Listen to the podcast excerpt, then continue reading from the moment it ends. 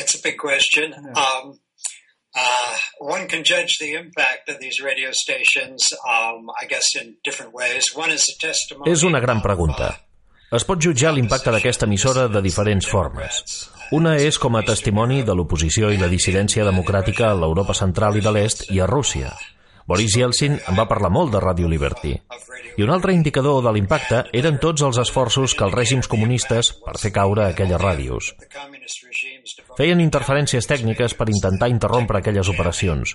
No podem dir que aquelles emissores de ràdio acabessin amb la Guerra Freda, però vam ser realment importants i crec que van ajudar a fer possible un final pacífic del sistema comunista, la divisió a Europa i la Guerra Freda.